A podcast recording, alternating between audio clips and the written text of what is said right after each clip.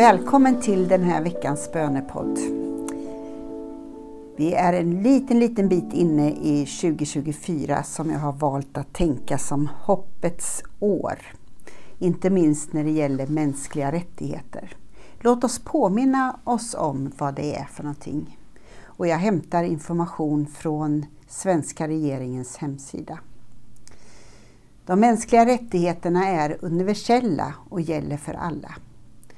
De slår fast att alla människor oavsett land, kultur och sammanhang är födda fria och lika i värde och rättigheter. Det är fantastiskt. De mänskliga rättigheterna reglerar i grunden förhållandet mellan stat och individ.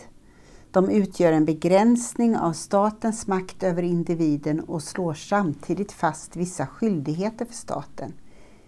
Ett exempel är att staten är skyldig att skydda individens rättigheter från att kränkas av andra enskilda. Ett annat är att staten ska se till att varje människa kan förverkliga och utkräva sina rättigheter enligt konventionen. Det är en del av folkrätten, det vill säga den internationella rätten. Och eh, rättigheterna finns nedskrivna i olika typer av internationella överenskommelser.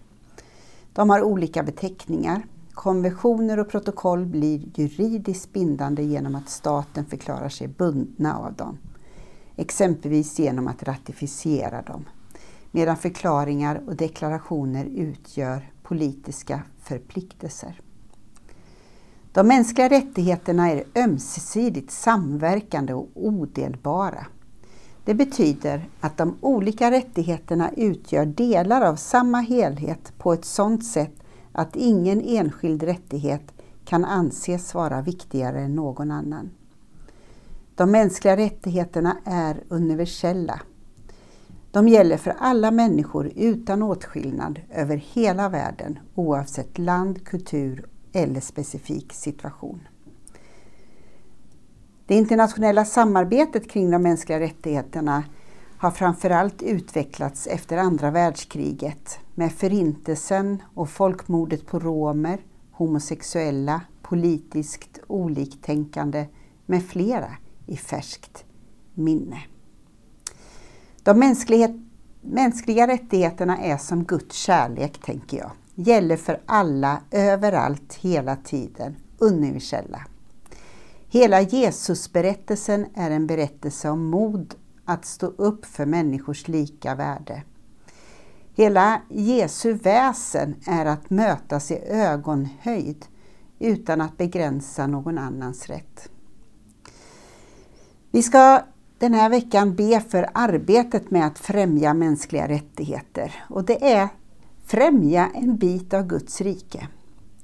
Särskilt ska vi be för vår systerkyrka i Indien där utrymmet för olikhet har blivit allt trängre. Och vi ska be om Guds fred över och med hela jorden. Så låt oss be. Treenige Gud, vi ber för arbetet med att främja mänskliga rättigheter. Vi ber om mod att stå upp för människors lika värde. Här hemma i Sverige och ute i världen. Gud, vi ber dig om hjälp att stå emot krafter som vill begränsa människors rätt att få tro och uttrycka sin tro. Särskilt vill vi be för kyrkor och kristna organisationer i Indien som drabbas av det allt trängre utrymmet i samhället när det politiska klimatet inskränker möjligheten att bedriva den verksamhet som dessa kristna betjänar samhället med. Och Jesus Kristus, vi ber, sänd oss i din frid, med din fred, över och med hela jorden. I Jesu Kristi namn. Amen. Så ber jag dig om Guds välsignelse över den här dagen och över de mänskliga rättigheterna över hela vår jord. Hej då!